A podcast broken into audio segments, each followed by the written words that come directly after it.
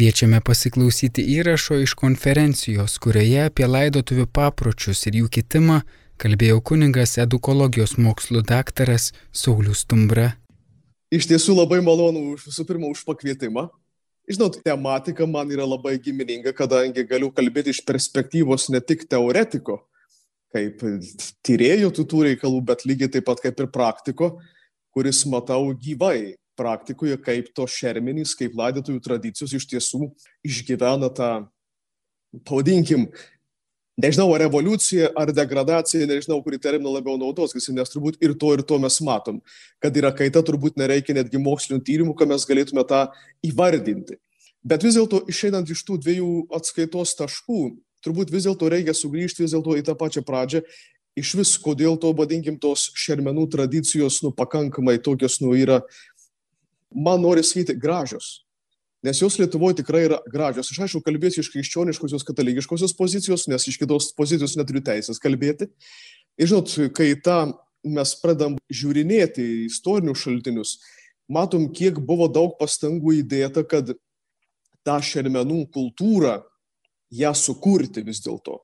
Ir čia man, pažiūrėjau, labai įdomu tai, kad prie to labai labai yra prisidėję garbingi ganytojai, kurie daugybę metų valdydami tuo metu turbūt didžiausią žemaičių įskupiją, kurie apimė beveik visą Lietuvą, potvarkiais, sinodais, įvairiausiais paraginimais, kreipiasi į žmonės, į, per, per dvasininkus, formuodami tą tokį įdomų dalyką, kad nebūtų šermenyse ir laidotojų kultūroje bedieviškumo.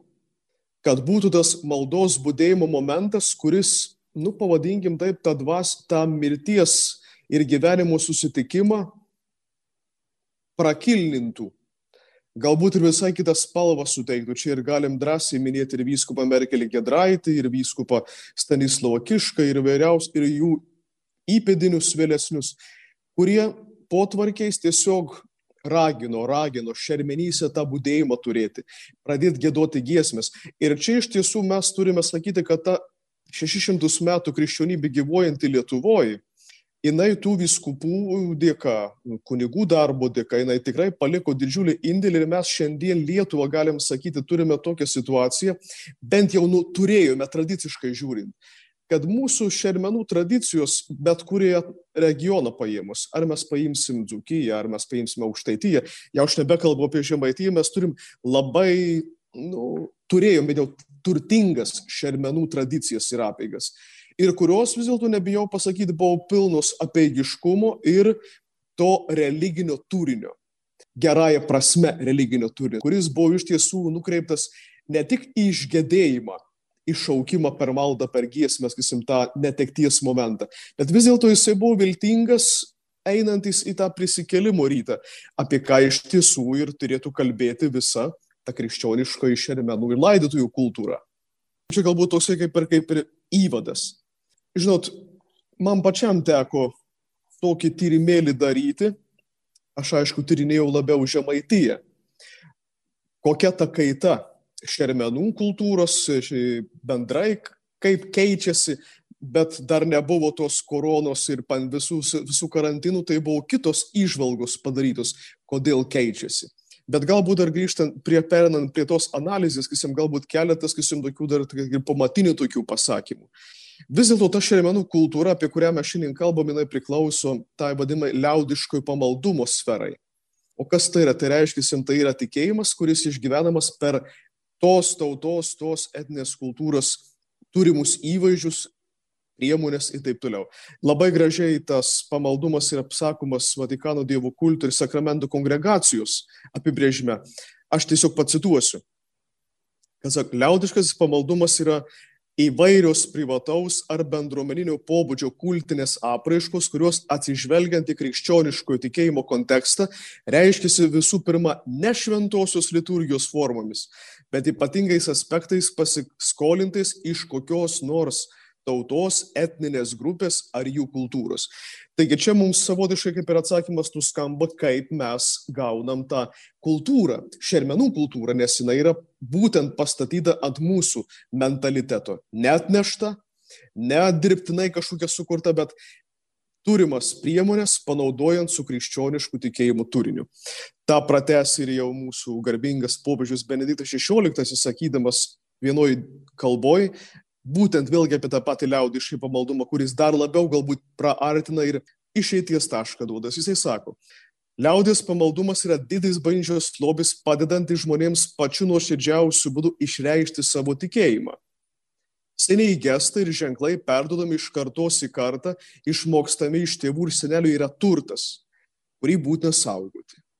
Tai kartu labai svarbi ir priemonė solidarumo ir artimo meilės skatimui, šeimų vienybės ir bendruomenių narių stiprinimui.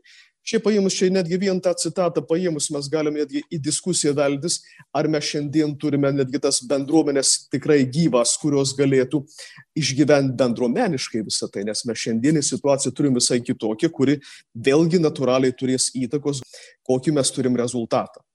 Taigi šermenys. Suvalkyjoje Jėzaus vardu gėdamas rožančius, žematijoje aišku gėdami kalnai.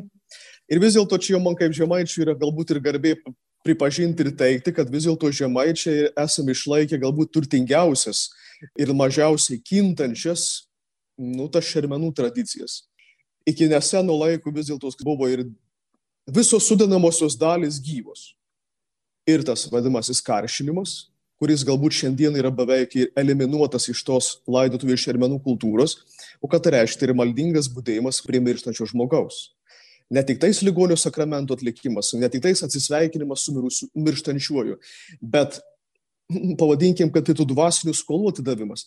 Deja, bet šiandien mes, kai išgyvenam tą tokį didžiulį urbanizacijos momentą, kada mes dažnai nebemirštam savo namuose, mes prarandam tą momentą. Jau padiškai šiandien turbūt visi tyrėjai gali konstatuoti, kad karštinimo momentas beveik yra išnykęs iš mūsų kultūros čia galėtume perfrazuojant sakyti, mes gimstam ant svetimų rankų, bet dėja ir mirštam ant svetimų rankų. Tas namų kaip, kaip, kaip žydinio, kuriame ir gimstam ar mirštam elementas dėja, bet yra dingęs. Aišku, nežiūrint tos, kasim, jeigu mes prarandame tą elementą iš šermenų kultūros, čia galbūt kaip ir laiko jo įtakoje, išgyventą dalyką, bet vis dėlto skasim būdėjimas arba pačios šermenys jos, kad ir maž, mažesnėm, didesnėm apimtim jos vis dėlto yra gyvos. Vėlgi čia yra didžiulis skirtumas turbūt tarp miesto ir kaimo. Kaimuose mes matom didesnę tra būdėjimo tradiciją. Pavyzdžiui, tikrai sakysim ir daugelį vietų ir žemaitijų po šiai dienai galiu liudyti yra būdėjimas tradiciškai du vakarus kada ir kalnai gėdami, ir, ir tas būdėjimas yra gražus mald, maldos dvasioje. Ir trečią dieną laidojimo. Tai yra tradicinis, tradicinis šermenų modelis, taip pavadinkim. Du vakarai būdėjimo ir trečią dieną laidojimo rytas kuris lygiai taip pat fadiškai yra paženklintas malda ir taip toliau. Aišku, šiandien, kai mes pažvelgėme jau tyrinėdami aplinką šiandienę, mes matom, kad miestuose yra galbūt tas skubėjimo momentas kada žmogus labai greit palaidojimas yra dažnai nesulaukiant tos trečios dienos. Ir čia vėlgi įvairiausių priežasčių turbūt galime atrasti ir, ir objektyvių, ir galbūt ne visai objektyvių.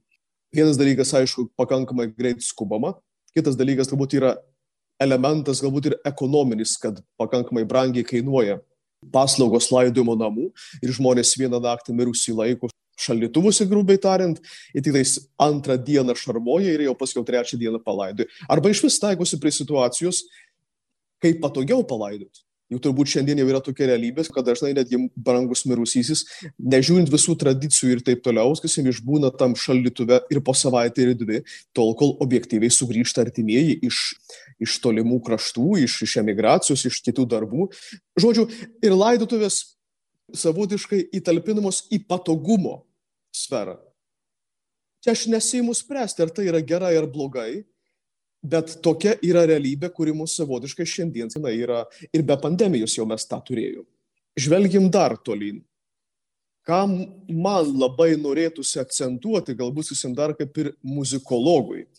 Jeigu mes turim savotiškai taip išlikusias, pavadinkim vis dėlto mažesnė, didesnė prasme, mes turim išlikusias beveik pilnas tas šermenų dalis, vis dėlto, kad yra kaita tarp tos tradicijos ir modernumo arba muštynės savotiškos, tai yra faktas. Ir tą man teko pačiam taip pat irgi fiksuoti.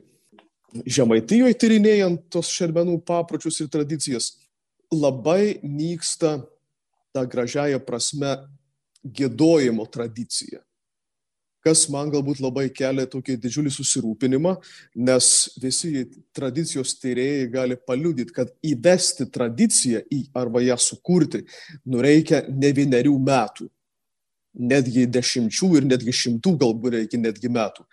O sugriauti galima labai ir labai labai greitai. Tai keletas dalykų, kas galbūt man labai yra užkibę, tyrinėjant, tarkim, to, to šermenų gėdojimus pačiu žemaitį. Vėlgi, aš tuo labai džiaugiuosi. Vis dėlto mes galim sakyti ne tik apie žemaitį, bet ir apie Lietuvą, kad turbūt apie 90 procentų vis dėlto yra gėdama. Yra gėdama, kad ir tą vieną vakarą būdėjimos prie mirusiojo šermenų, tą būdynės vakarą, vis dėlto jisai yra kažkiek tai giesme paženklintas. Čia aišku klausimas galėtų būti kitoks kas tai per tų gesmių turinys yra. Ir ar iš tiesų tie mūsų etnografiniai regionai, kurie savotiškai kaip ir buvo pasidalyję Žematyje, Žemaičių Kalvarijos kalnai, Aukštaityje Jėzaus vardo rožančius, Nitsukijas, Visimraudo, ar tie gėdojimai yra dar tikrai žodžių prasme gyvi? Jei kažkur fiksuojam gyvumą to, vis dėlto, sakysim, teisingumo dėlį turim pastebėti, kad net jeigu ir yra, yra išlikęs gyvas tas modelis tradicinio gėdojimo, bet jisai vis dėlto daugelį momentų jau ir nyksta. Netgi mes žemaičiai jau, jau fiksuojam tą, kad ne visose šermenyse yra gėdami žemaičių kalvajos kalnai. Aišku, mes galbūt savotiškai šiais metais tokį pakelimą išgyvename, kadangi pavyko įtraukti nacionalinį kultūros savadą Žemaičių kalvarijos kalnų gėdojimo tradiciją, tai aš kaip juokaudam sakau, Žemaičiai tarytum įgavo naują kvėpavimą. O Žemaičių kalnai pasirodo net gyvena. Pasirodo, čia yra vertinga kažkas. Tai savotiškai skau naujas kaip ir kvėpavimas, kad tarsi nauja banga tar grįžti prie to, nors iš tiesų, sakysim, man pačiam tenka fiksuoti tokius dalykus, kad šermenyse labai dažnai tuos tradicinius gėdojimus pakeičia, nu, nežinau, pamuzikavimai, muzikos pasiklausimai. O juk vis dėlto, jeigu pažiūrėsim, sakysim, tą gėdojimo kultūrą tradiciniuose šermenyse, tai nu jau be galo turininga. Galima išskirti tradicinės sudėtinės dalis tai aišku žvilgsnis į šventuosius globėjus, vadinamieji patronai. Na jau taip jau buvo, faktiškai, kad šeimose augdavo tų labai daug vaikų ir aš natūraliai visi turėjau šventuosius vardus. Ir tų giesmų šventiesiems globėjams natūralu, kad buvo labai daug. Ir mes jeigu tas pačias kantiškas pavartysim ar kažką, mes rasim tų patronų giesmių gražų skaičių.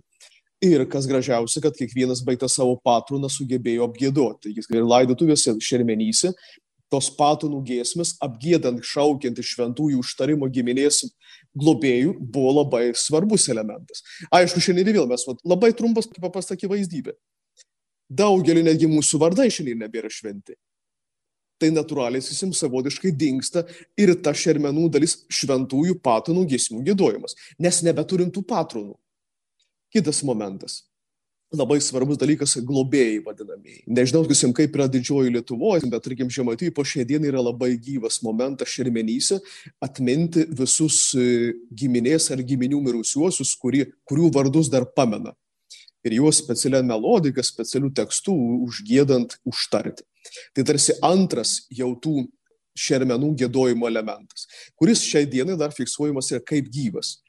Na ir aišku, sim trečias, tačiau priklausomai nuo etnografinio regiono, Žemaitijų kalnai, aukštaitijas paimkim Jėzaus vardo rožančius ar kitur Dovido psalmės gėdamos, ar kitą tradicinę maldos praktiką.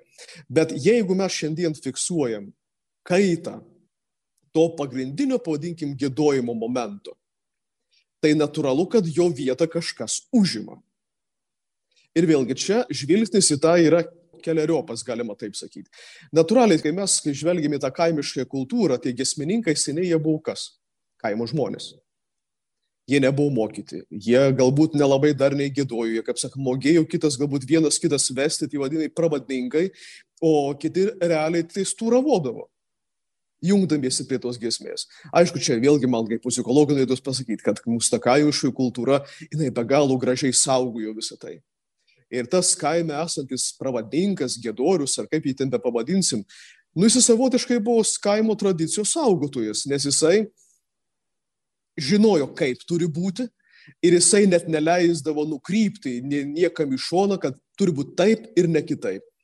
Ir va šiandien, kai va lyginis, kasim, tą kaimišką gėdojimo kultūrą, kasim, su šiandien atsiradusi naujaja muzikinė kultūra mūsų šermenyse, mes turbūt turim pastebėti vieną dalyką ir išvadą, ne, galbūt mums nelabai malonę pasakyti.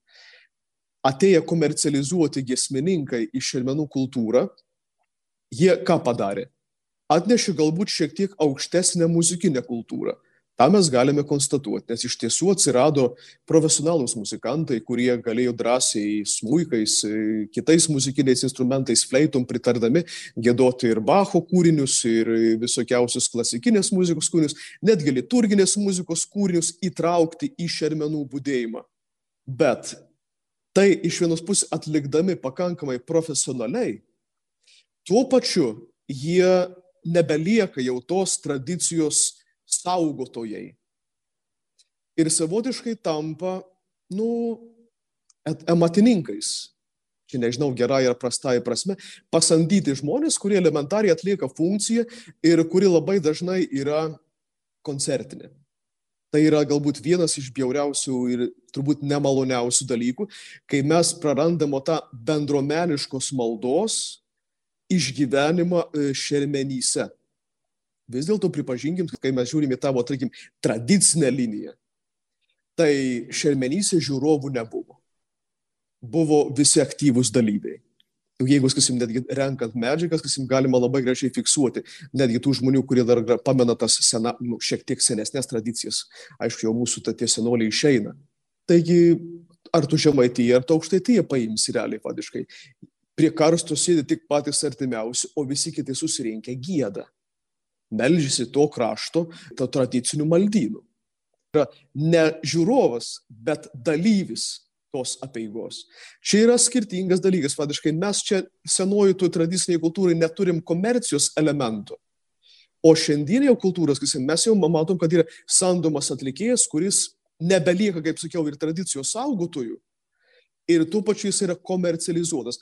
Atlikėjas atėjo, jam tradicija nelabai rūpi, ir jisai pakoncertavo ir, kaip sakant, netgi yra suinteresuotas, kuo turbūt trumpiau pakoncertuoti už tą patį atlygį.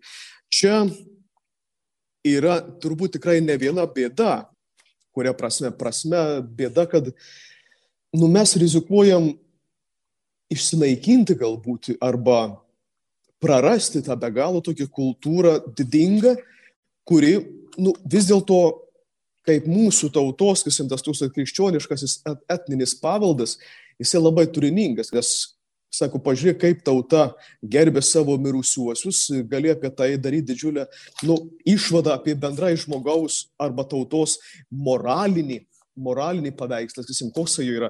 Labai gražią citatą noriu pacituoti iš Sauliaus Kasmausko, kuris vienoje publikacijoje teigia, kad marinimo ir laidotųjų apėgos pažymi moralinį brandos lygį, nes tradiciniai papročiai įprasmina žmogaus mirtį ir palaidojimą. Žinot, labai graži tradicija, kuri, man atrodo, kad vis dėlto tos ilgus metus, vat, mūsų toj kultūr, šermenų ir laidojų kultūrai, jinai buvo deranti ir vis dėlto jinai buvo nu, nesugriauta. Ir tas labai džiugina vis dėlto. Ir čia, jeigu žiūrint į priežastis, kodėl pradėjo nykti tos tradicijos arba kaitą išgyventi. Žinau, čia priežasčių turbūt mes atrastume labai daug. Ir man teko, kai tą tyrimą daryti, aš šiek tiek bandžiau tokių kaip ir nu, ieškoti priežastinių ryšių. Į vieną mintį pašnipždėjo profesorė etnologė Irena Merkienė. Jis žvelgia į sovietmetį ir jinai tokia išvalga sako, aš netgi pacituosiu jo žodžius, sako, Vieni vietiniai papročiai praktikuoti tik šeimoje, kiti išliko kaip esminė naujai sukurto iškilmingo ceremonialo dalis. Taip visuomenėje buvo suformuota regimybė, kad kaimo ir miestelio inteligentija yra visiškai atšlyjusi nuo tikėjimo. Čia mes kalbam, aišku, apie gilų sovietmetį, tai jos citata, momentas, kada atsirado civiliniai pakaitalai religinėms apieigoms civilinės vardų suteikimo ceremonijos, civilinės santokos, civilinės laidotuvės. Ir jinai gražiai yra ne vieną kartą pasakojusi, kaip žmonės norėdami ir valdžiai įtikti, ir neprarasti tikėjimo, dvigubindavo savo šermeninius reikalus. Kad gautum kokį nors mėsos gabalą iš kaimo kolūkio pirmininko, civiliškai laidodavo, o religinius savo patarnavimus arba dvasinę tą, pavadinkim, šermenų dimensiją atlikdavo čiut neslapdoje prie uždangtystų langų. Ir kuniga kviesdavo pa, pašventinti duobę ir tos pačius gėdojimus atlikdavo, tai tom slaptoj, bet norėdami gauti ir tą gėrį, ir tuo pačiu tikėjimu neišduoti. Bet mes vėlgi matomot tokį galbūt ir vieną iš pirminių priežasčių, kaip slėpti ir tą religinį elementą eliminuoti iš šermenų. Jeigu pažvelgus tuo tokiu šiek tiek teologiniu žvilgsniu į tą kryptį, vis dėlto man, aišku, ir kaip, kaip kunigui yra labai skaudus, sakysim, kad mes prarandam tą viltingą ir pergalingą, sakysim, žvilgsnį į šermenis. Nes, nu, bendra tradicija, kaip krikščioniškų laidotų, yra Velykų išgyvenimas. Nes ir ta tas būdėjimas, tarkim, kaip aluzija su Kristumi, dvi naktys kape ir trečia diena prisikėlimo rytas.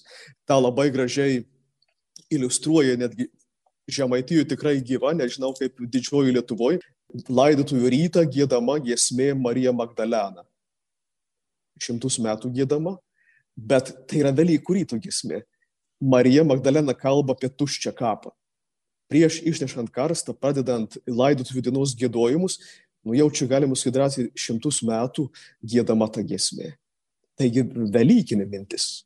Ne graudulinga, ne, ne, ne, ne, ne, ne beprasmenė, ne pabaigos, bet priešingai naujos pradžios mintis. Ir tas iš tiesų tas motyvas, jisai turėtų eiti per visas tas mūsų šermenų tradicijas ir papročius, Ir jeigu mes jį prarandame, savotiškai prarandam ir tą pačią nuprasme, kad tas mūsų tikėjimas iš tiesų, iš tiesų liudija. Ir čia šioje vietoje ir vėlgi man kaip muzikologui norėtų šiek tiek sustoti ties gėdojimais tais. Kodėl? Vienu momentu aš jau kalbėjau apie tai, kad atsiranda naujas tarsi lygmuo, atsiranda profesionalūs muzikai, kurie atlieka gražiai, profesionaliai muzikinius kūrinius ir taip toliau, bet pakankamai šalia tradicijos, bet nors jų kūriniai yra oficialiai netgi liturgiški. Ir iš liturginio repertuaros gali būti ir tie patys populiarūs Ave Marija, ar netgi, sakysime, yra ne vieną kartą girdėti tekę ir kitus gražius kūrinius klasikinius atliekant. Bet šalia to yra vienas pavojus, kad atsiranda naujoji kūryba šermenyse, kuri tikrai ta žodžių prasme visiškai nedara su jokių religiniu turiniu. Ir čia aš netgi noriu pacituoti vieną dokumentą iš liaudiškųjų pamaldų liturgijos valdovo, kuris įspėja, kad liaudės kūryba negali prieštarauti šventųjų raštų ir bažnyčios minčiai. Žvelgiant ir toliau, vyskupų konferencija dokumente apie laidotųjų apėgas ir taip pat rašo, šarvojant ir būdint prie mirusio vengtina visko, kas nesiderina su krikščionių tikėjimu. Maldų ir giesmių tekstai privalo būti imami iš bažnyčios aprobuotų leidinių. Žinot, nereikia būti labai išmintingų, kad šiandien paėmus keletą įrašų įvairiausių grupelių, paėmus leistų, prileistų maldynų, maldinėlių ir taip toliau, pamatyti, kokią mes turim betvarkę, būtent, sakysime, šiuo aspektu žiūrint. Aš paminėsiu keletą pavadinimų, kabutėse giesmių, kurie patys už save kalbės. Tai mano asmeniškai surinkta medžiaga, todėl galiu už juos autentiškumą liūdį, kadangi aš tai gavau iš giesmininkų. Pavyzdžiui, giesmių pavadinimai. Neverki vaikeli. Užsimerki tavo mielos akis. Užmigai mamytė tevelį. Dar galėjai tu gyventi. Užgesu jau širdis tavoji, mamytė miela, tevelį mielas. Nebematysiu aš mamytės. Kas galėtų suprasti? Ir taip toliau. Pavadinimus tokius be galo romantiškus galėtume čia tęsti ir tęsti. Dėl to man net nelabai kyla noras tuos kūrinėlius giesmėmis pavadinti, nes analizuojant tų kūrinėlių tekstus ir aišku, pridant be galo graudenančias melodijas, tai mes gaunam priešingą dalyką.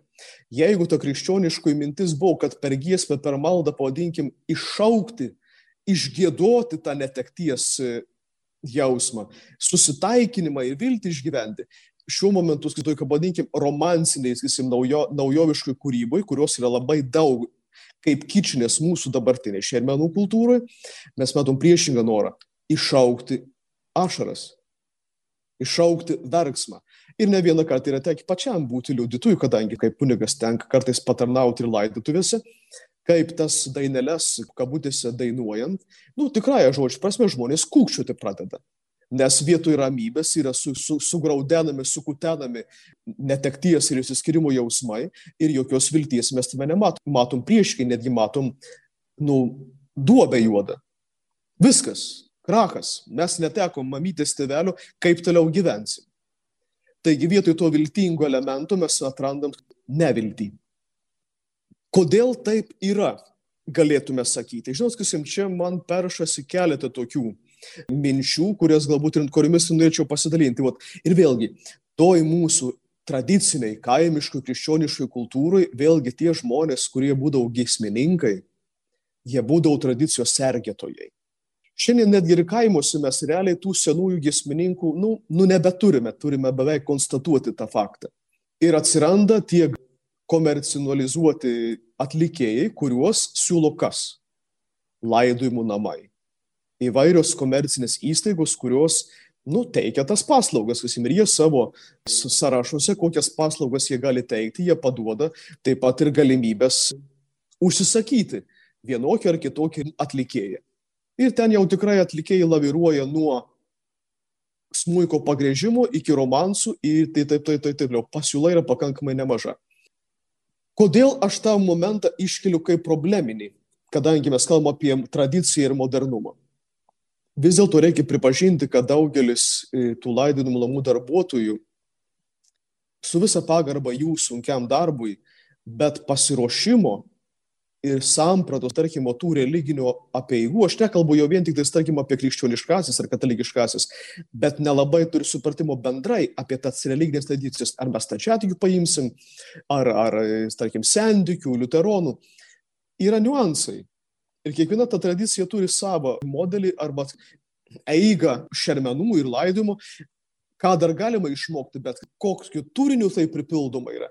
Labai dažnai tie darbuotojai neturi. Ir čia turbūt mes prieinam prie tokio atskaitos taško, kai mirusiųjų artimieji ateina tartis dėl tų visų patarnavimų, jie, tie žmonės būna patys pirmieji žmonės, kurie pasimetusiam žmogui teikia rekomendaciją.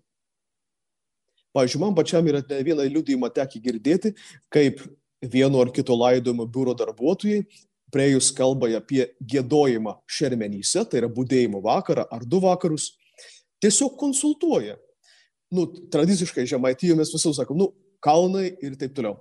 Oi, sako, šiandien nebemadinga kalnai. Gal, gal trumpiau, gal mes giesmių valandą padarykime. Mes galime jums pasiūlyti tą ar aną. Vat matot, pirmas, pavyzdžiui, pokalbis. O kas nustatė, kad tai yra madinga ar nemadinga, kas tokį tyrimą padarė? Nu, nėra tokių duomenų, fadiškai. Reiškia, netgi, netgi vat, menka e, supratimą to įsiturintis darbuotojas, jisai gali padaryti poveikį žmogui, kuris pasimetimo valandą, nu, gal ir nežinau, nu, kaip aš dabar imsiu, tarkim, tos kalnus gėdų, jeigu jau nieks kabutėse nebegėda. Supranta, koks gaunas tokia takoskira. Čia aš kaip ir idėją galbūt iškelčiau su visa pagarba tikrai visiems tų laidėjų namų darbuotojams, ar nereikėtų galvoti apie švietimą šitų žmonių, nes jie turi labai artimą santykį su tais žmonėmis ir kad vietoj to, vadinkim, nu, greitesnio, paprastesnio variantų, kad vis dėlto galbūt palaikant tradiciją, padėtiems žmonėms prakilniai ir, ir, ir nu, vis dėlto nepabijosiu to žodžio sutikėjimu peržengti tą gyvenimo ir mirties susitikimą. Tai yra turbūt vienas iš didžiausių elementų, kurie daro įtaką, atrodo, šiandien šermenų kultūros kaitai. Jeigu, nes nes ir kaimuose jau tikrai šiandien beveik neturim tų tradicinių gėdorių ir kurie tą išmanytų, nes beveik viskas yra komercializuota. Turbūt netgi, kai pakalbė su miesto kolegomis, ypatingai tą patį Vilnių ir Kauną paėmus, tai netgi tie muzikiniai dalykai labai tokie, tokie, nu, nu kaip labai kuklus, labai kukliai išreikšti, ženkliai greičiau užima tą vietą, ar koks nors populiarus muzikos įrašas, ar netgi net visiškai nieko bendra su, su, su, su gėdojimu ar giesmė neturintis kūrinėliai. Čia kaip tokia gyva iliustracija galiu pats papasakoti vėlgi gyvą liudijimą. Kartais gyvas liudijimas yra galbūt geresnis už, už, už teoretinį, teoretinį pagrindimą. Vienose laidojim namuose atvykęs į laidot kitas žmogus, kai išgirdau grojant labai populiarią ispanų liaudės dainą Lepaliomą. Žinau, balandėlė lietuviškai, tai labai graži melodija, labai tokie jautrų žodžiai. Žinau, kad nu, ir, nu, neiškenčiau, neužėjęs, nepaklausiu tų žmonių, o kodėl jūs leidžiat tokią, nu, ispanų liaudės dainą prie savo mirusiojo. Sak, nu mes žodžių nesuprantam, bet labai graži melodija.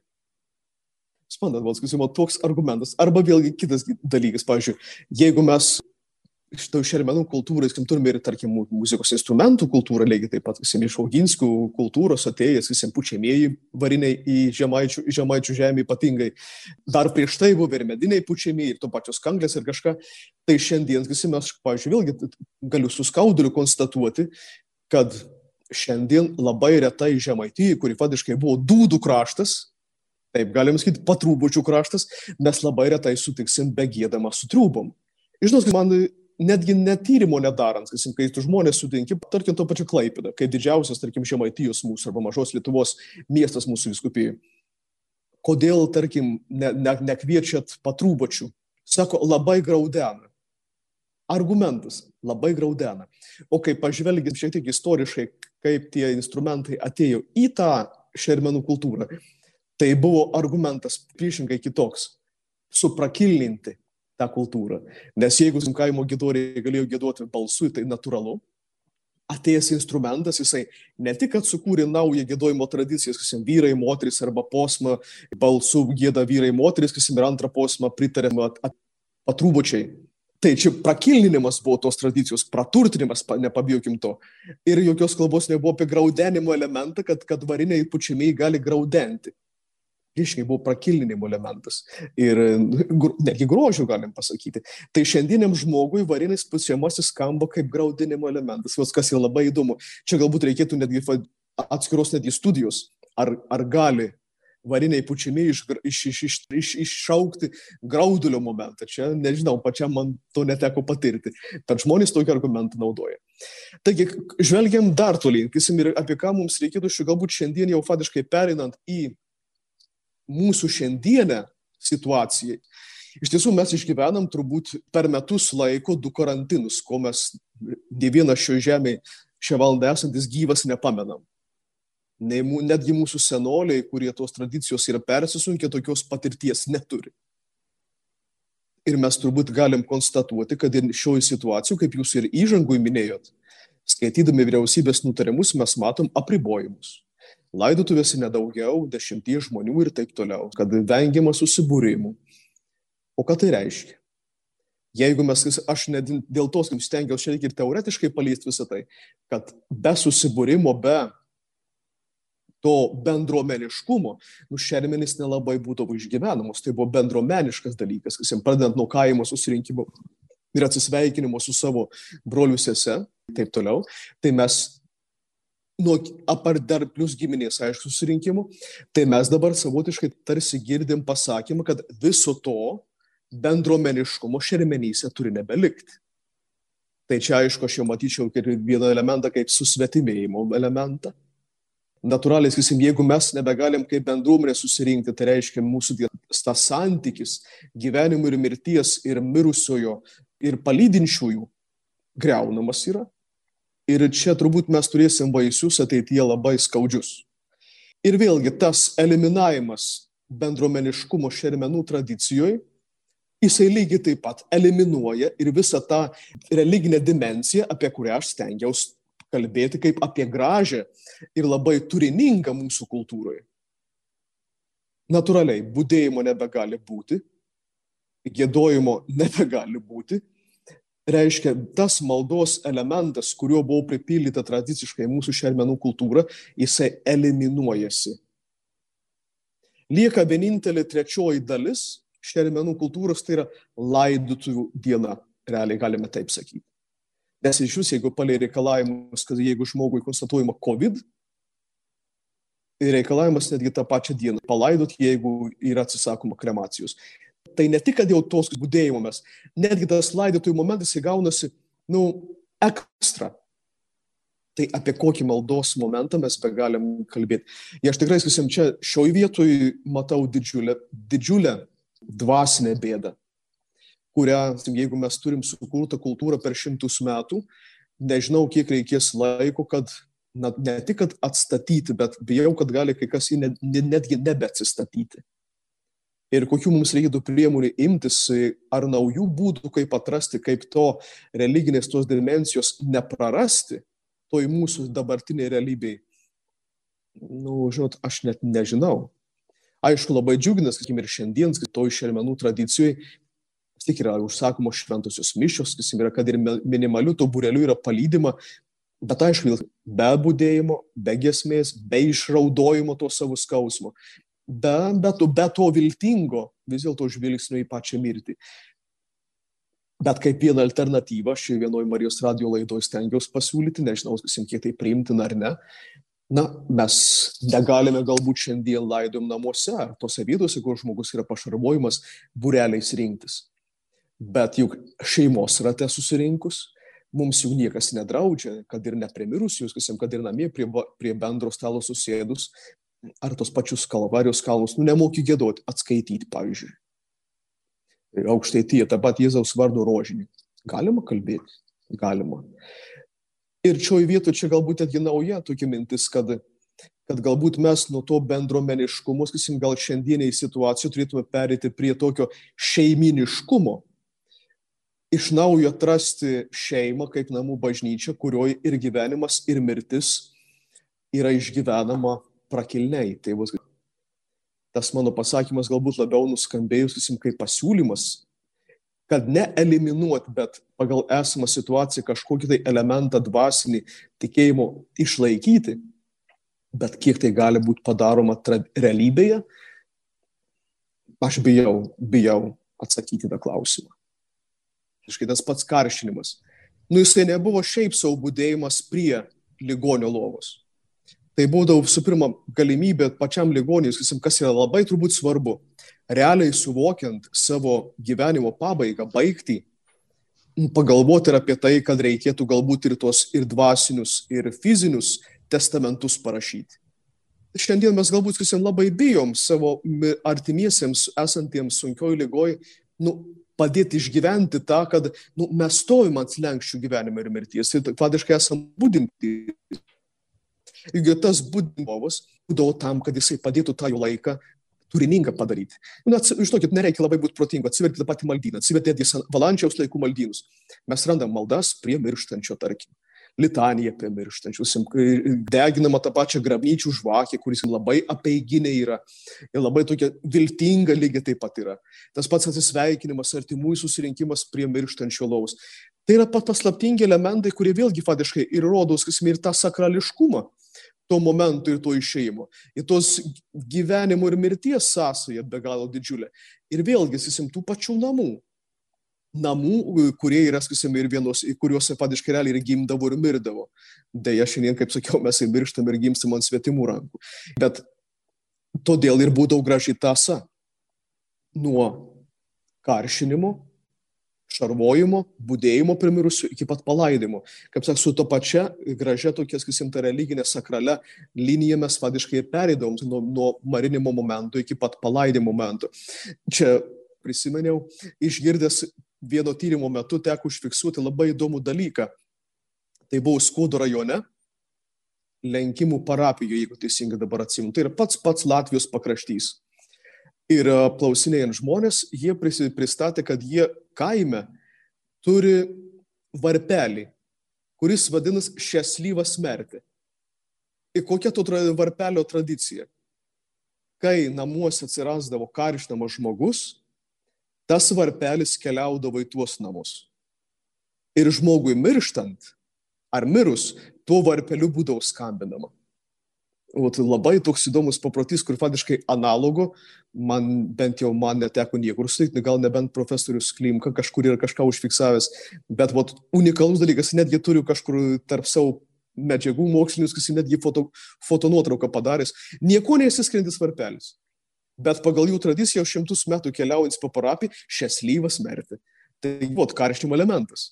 O varpo, varpo garsas, žinau, tradicijų faktiškai visada ir, kaip sakai, jungiantis dangų ir žemę. Tai buvo irgi dar vienas elementas, kurį būtų galima priminti, kad ta tradicija, varpų skambinimo tradicija, kuri vėlgi urbanizacijų faktiškai yra išnykus, bet kaimuose dar gyva, kad žmogui mirus po dušę, taip sakant, vis dėlto yra skambinama. Ir vėlgi, vat sąsajos gyvenimas ir mirtis, dušė dangun, kūnas žemėje. Ačiū labai Jums. Apie laidotuvių papročius ir jų kitimą kalbėjo kunigas edukologijos mokslų daktaras Saulis Tumbra.